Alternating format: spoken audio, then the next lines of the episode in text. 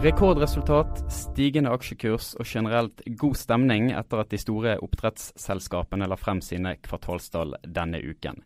Hjertelig velkommen til første episode av Laksekast, Sysla sin nye podkast om eh, havbruk og oppdrett.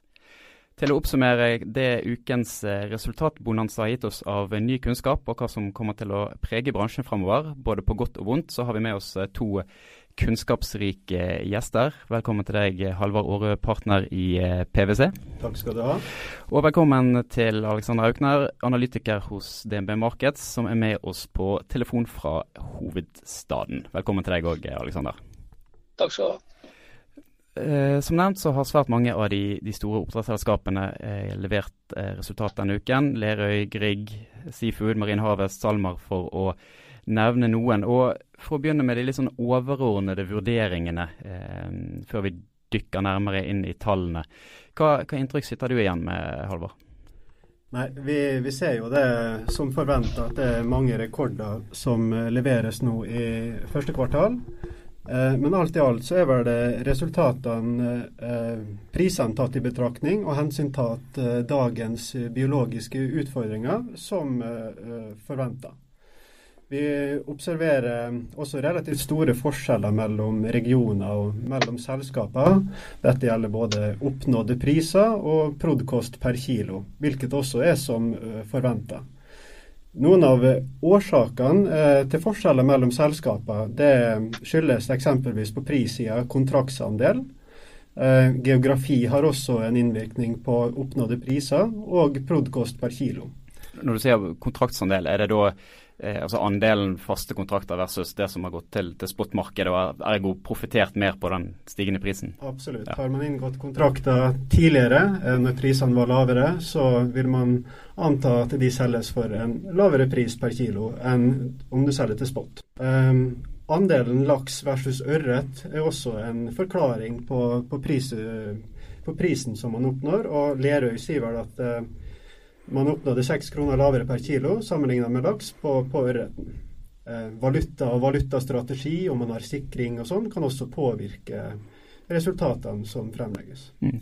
Alexander, du, du har fulgt eh, disse tallene uh, nøye. Er det noe spesielt du vil, uh, vil, peke på eller trekke fram, i tillegg til de, til de mer generelle betraktningene for bransjen som helhet? Nei, Jeg syns alle summerer opp veldig greit, egentlig. Altså, det er stort sett rekordresultater eller nære rekordresultater for, eh, for de fleste selskapene. Eh, og Det skulle man jo egentlig bare forvente, gitt de spotprisene som, eh, som, har vært. Men uansett så er det jo fascinerende å se EBIT per kilomarginer på, på opp mot 30-tallet. Og for Bakkafrost Nord 35 kroner per kilo. Det er jo fascinerende tall, da, for å si det, på den måten. Mm. Og dette med kontraktsandel også spiller jo helt klart inn, eh, både på to måter. Én, kontrakter som man har inngått fordi man syns prisen var høy. Eh, og to, det faktum at pga. mye eh, tvungen slakt i høst, så har man litt mindre fisk tilgjengelig nå i første halvår. Mm. Noe som gjør at kontraktsandelen i prosent blir større enn kanskje hva man så for seg når man inngikk kontraktene i, på slutten av fjoråret. Så kontraktsandel har nok helt klart hatt, uh, hatt en stor innvirkning, i hvert fall dette kvartalet. Mm. Når eh, Marin Harvest, som, som, gjør sitt beste kvartal eh, noensinne, sa de vel under presentasjonen. Og så eh, kort tid etterpå så selger både styreleder Ole Erik Lerøy og konsernsjef eh, Alfheim Gårdskog eh, seg ned i selskapet. Gjør det det i troen på at toppen er nådd? Nei, altså jeg tror Man må se det litt i historisk perspektiv også. Eh, det er en aksjekurs som har utviklet seg fantastisk godt. Dette er privatpersoner med en privat eh, portefølje. og Når en en enkeltaksje blir såpass stor del av totalen, så er det lov og fornuftig å ta litt, litt profit innimellom. Så jeg ser egentlig ingen, ingen dramatikk i, i, det at man selger seg ned mer at man viser et, uh, hva skal si for noe, et, et fornuftig og sunt uh, risikovurderingsevne da, mm. for personlig økonomi. Så Fredriksen solgte ned en tredjedel uh, på litt siden, og nå gjør styreleder det samme. og det, det ser jeg egentlig ingen, ingen dramatikk i. og For å sitere Ole Erik Lerøy, så, så, er det fortsatt hans største enkeltholding. og Han sier jo selv at han fortsatt har stor, stor tro på selskapet. og det, det er i hvert fall vi enig i. Mm. Dere peker jo begge på at de høye lakseprisene er kanskje hovedårsaken til, til den høye inntjeningen. Eh, hvis dere skulle forklart det for eh, laksepris for dummies, hva, hva, er de viktigste driverne som har gjort at prisen har, har steget eh, til de høydene vi ser nå? Prisbildet er jo i all uh, hovedsak styrt av tilbud og etterspørsel. Um, og hvor det nå forventes lav til, til til og med negativ tilbudsvekst de nærmeste årene. Um, globalt så har de store selskapene vært veldig flinke til å bygge marked og sørge for økt etterspørsel etter laks og ørret. Og Det sies vel at, uh, fra selskapene at etterspørselen etter laks årlig har økt med rundt 10 de siste årene. Uh, på begynnelsen av 2000-tallet og frem til ca. 2008 så observerte vi en sterk produksjonsvekst i Norge og globalt, på godt over 10% Men siden 2012 så har vi i Norge hatt tilnærmet null vekst i volum, og således godt under regjeringa sitt mål om 5 årlig vekst. For 2016 så ser vi at uh, Chiles markante fall i produksjonen pga. algeoppblomstring det er avgjørende. Og Analytikere og selskaper forventer en nedgang i tilbudssiden på rundt 6-7 I Norge forventes det også en reduksjon på ca. 3% i 2016 sammenlignet med 2015. Mye pga. Eh, de biologiske utfordringene den siste tiden, og da spesielt uh, lusesituasjonen. Eh, det forventes eh, en, en, strammere tilbudsside, sier du, Halvard. Alexander, vil, det eh, tilsi at prisene vil holde seg høye, eller kanskje stige ytterligere? Ja, altså Tilbud er jo alfa og omega i den bransjen her. og Det er på en måte for høy tilvekst eh, eller tilbudsvekst som har knukket sykkelen hver eneste gang. Og Nå ser vi jo veldig begrenset med tilbud.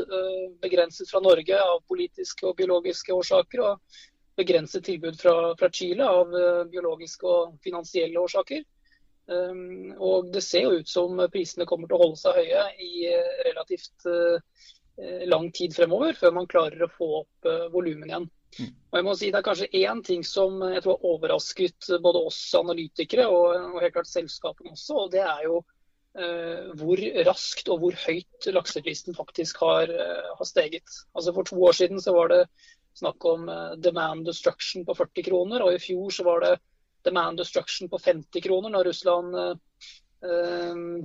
eventen skjedde, holdt jeg på å si. Og, og, i år så ser vi da 60 kroner, og nå neste uke så snakker man om, uh, om høyt på 70-tallet. Så det er klart at uh, jeg tror vi kanskje har undervurdert hvor sterk etterspørsel det er etter laks i, i enkelte regioner. Mm. Alba? Jo, altså selv om Vi i dag ser vi ser jo masse positive tiltak for å øke produksjonen fremover, um, så vil det ta noe tid. Um, det tar tid å løse de biologiske utfordringene man har i dag. Det tar tid å prøve ut ny teknologi, nye produksjonsmetoder. Og tar vi med at det også tar lang tid uh, fra en setter en fisk i sjøen til en er slakteklar, så tilsier jo dette en svært moderat vekst i utbudet av laks og ørret de neste årene. Og Således så skulle det borge for gode priser fremover, og kanskje helt fram til 2020. Mm. Eh, det er en rekke selskaper som har søkt om eh, utviklingstillatelser eh, nå. Eh, SalMar er så vidt jeg kommer på i farten, eneste som har fått eh, tildelt eh, slike konsesjoner foreløpig. Ifølge estimat som Sysla og Ilaks har gjort, så kan de gi ca. 200 000 tonn slakteklare laks eh, totalt for disse tillatelsene. Er, er, det en mengde som kan påvirke prisbildet i det hele tatt? Ja, det, det vil absolutt være hvis man får 200 000 tonn eh, økning fra ett år til neste, så er det klart uh, vil det vært negativt for prisen. Men det spennende med disse utviklingslisensene er jo selvfølgelig uh, hvor mange som søker og hvor mange som kommer til å bli tildelt. Mm. Og så blir det selvfølgelig også et spørsmål om når kommer disse volumene uh, ut i markedet.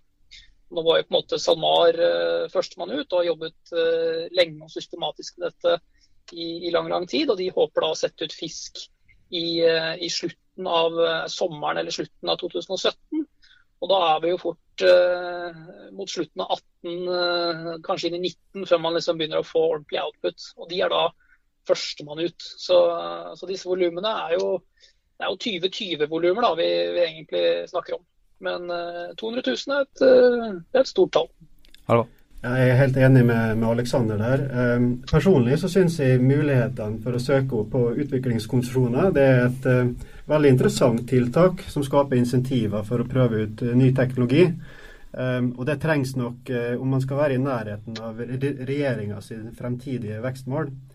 Imidlertid um, så er det viktig at de prosjektene som settes i gang, har, har et kommersielt potensial utover uh, selve utviklingsperioden. Og En liten digresjon kan jo være at i tildelingsdokumentet til SalMar så vurderer direktoratet verdien av utviklingslisensene opp mot utviklingskostnadene. Og Om dette er et avgjørende kriterium, så vil det kunne medføre at det er de dyreste løsningene som får tildelt eh, lisenser på bekostning av mer kommersielt bærekraftige løsninger. Og Spørsmålet da kan stille seg er om det medfører at næringa mister fokus på mer kommersielt lønnsomme løsninger. Eh, jeg vet ikke svaret på det, men eh, jeg tenker at vi må dimensjonere alle nye prosjekter slik at vi tåler et betydelig fall i lakseprisen, eh, og ikke går inn i en kostnadsfelle. Det hørtes ut som en sånn ekko fra olje, oljebransjen. Klart, og det, det, er, det, er, kanskje en annen ting som slår meg som du påpeker, altså hvis, eh, hvis, det er kun de dyreste prosjektene som eh, skal få aksept, altså SalMar skal bruke nærmere 700 millioner, så er det klart at da blir denne veksten forbeholdt de store aktørene og ikke de små. Det er ikke så mange små som kan løfte et sånt prosjekt eh, eller ta den risken på, på egen balanse. Så Det er også verdt å ta med seg. Et, et av hovedmålene for, for disse utviklingskonsesjonene er jo å, komme fram med ny teknologi for å løse miljø- og, og arealutfordringer. Jeg så òg at en, en, utstyrsleverandør som Aqua Group gjorde det ganske godt i, i, første kvartal. Representerer de en type selskap som går gode tider i møte med, med tanke på en, den stadig teknologiske utviklingen av bransjen? Det kan, du, det kan du, si. Altså, om man ser eh, historisk på det, så er det relativt god korrelasjon mellom høye priser eh, på, på, laks og eh, investeringer i oppdrettsnæringa. Typisk med ett års eh, timelag. Således så bør jo Aqua Group og andre utstyrsleverandører gå en lys tid i møte. Og Det som skjer nå også i forhold til eh, både post-smolt og utviklingskonsesjoner som, som vi snakka om, så indikerer jo også at det vil bli gjort betydelige investeringer fremover. Hvilket er positivt for utstyrsleverandørene, som f.eks. Aqua Group. Mm. Ja, altså det et, uh, nå har ikke vi dekning på, på Aqua Group, men det er jo helt klart et, uh, et kjempespennende selskap som, um, som, på en måte fungerer nesten som en sånn teknologihub. Uh, og Kjøper en del mindre aktører og, og slår det sammen med sin eksisterende business. og får da et helhetlig tilbud ut til, til sluttkunden. Og vi har jo sett veldig mange aktører fra private equity-siden har jo gått inn og kjøpt uh, fòrselskaper, vaksineselskaper uh, og den type ting. Uh, genetikk. Og det er klart at et sånn type selskap som, som Aqua Group, som da har eksponering mot sektoren, men kanskje uten den biologiske risken som, som selve oppdrettsselskapene har, er jo et, et spennende case. Mm. Vi skal gå litt over på, på, nettopp den biologiske risikoen som dere har nevnt begge to. Er det sånn at luseproblematikken er den overordnede største utfordringen for, for bransjen? Det, er det et utvilsomt faktum? I dag så er jo luseproblematikken en av de største utfordringene, i hvert fall. Um, det er det. Uh, det jobbes um, i dag intenst egentlig fra både genetikkselskaper som Selma Breed, Aquagen og Hendrix Genetics for å styrke laksens binom og DNA. Eh, og Det er jo et ønske om å kunne avle fram en laks som er tilnærma resistent mot eh, lus og, og, kanskje sykdom. Eh, på teknologifronten så er det også fullt fokus i dag for å løse luseproblematikken. og Det både forskes og prøves ut mye ny teknologi om dagen. både i forhold til lusebehandling, men også forebygging av lus. Både fra næringa og leverandørindustrien. Mm.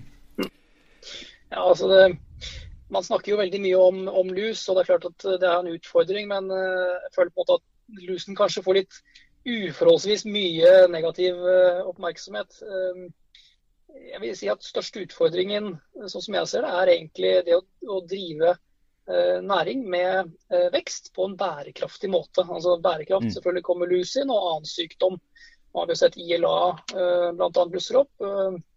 Og det finnes jo andre regioner som har vesentlig høyere toleranse for lus. Også lavere produksjonskost og dødelighet enn det vi ser i Norge. Så, så ja, lus er en utfordring. Men, men vekst har jo også blitt et, et ganske stort element her. og det Eh, det er klart at med 6 eh, nedgang i volum i år, og egentlig ikke spesielt mye vekst verken neste år og kanskje ikke før vi nærmer oss 2020, eh, så, så ja, det er også et spørsmålstegn man, man må sette og si at det er en kjempeutfordring for næringen hvis du da egentlig ikke klarer å vokse noe særlig. Mm. Og det er et skrikende behov etter, etter volum.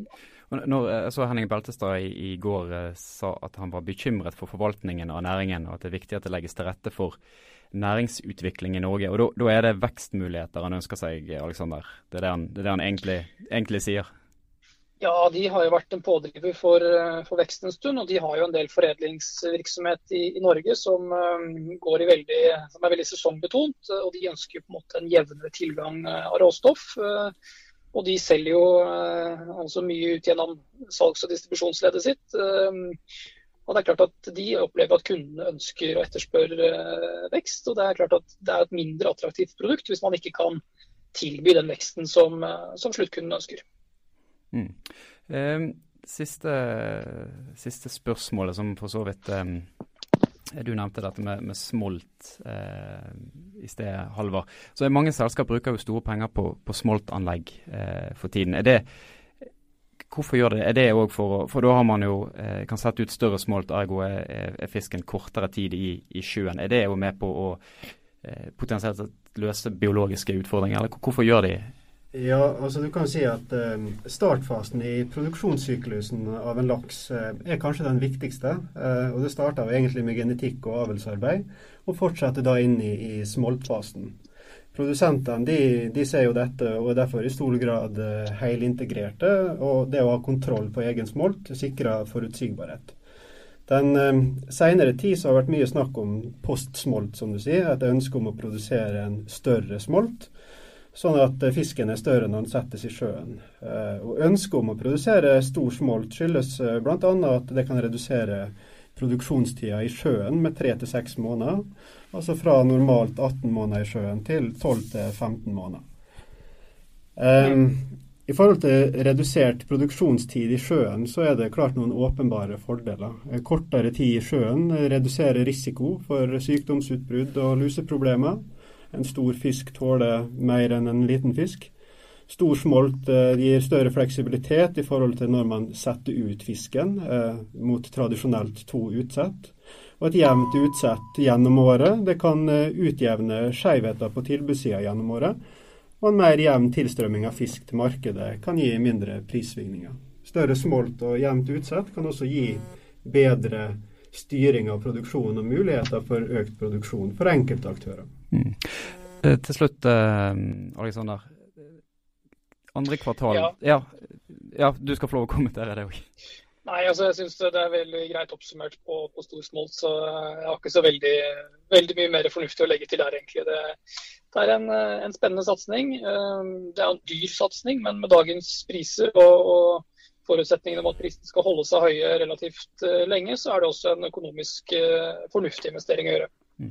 Og, og, med det så, eh, basert på det du har sagt eh, i, i podkasten, så, så, tror du at de gode tidene vil fortsette i hvert fall inn i, i neste kvartal, og, og kanskje litt lenger òg?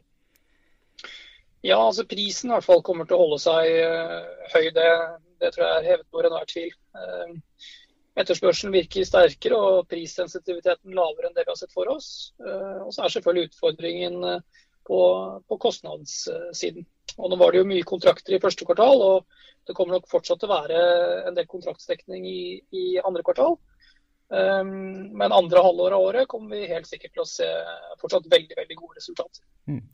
Tusen takk for at uh, dere var med oss, uh, Halvard og Aleksander. Dette har vært uh, første episode av Laksekast, som du finner i iTunes, Acast og diverse andre remedier.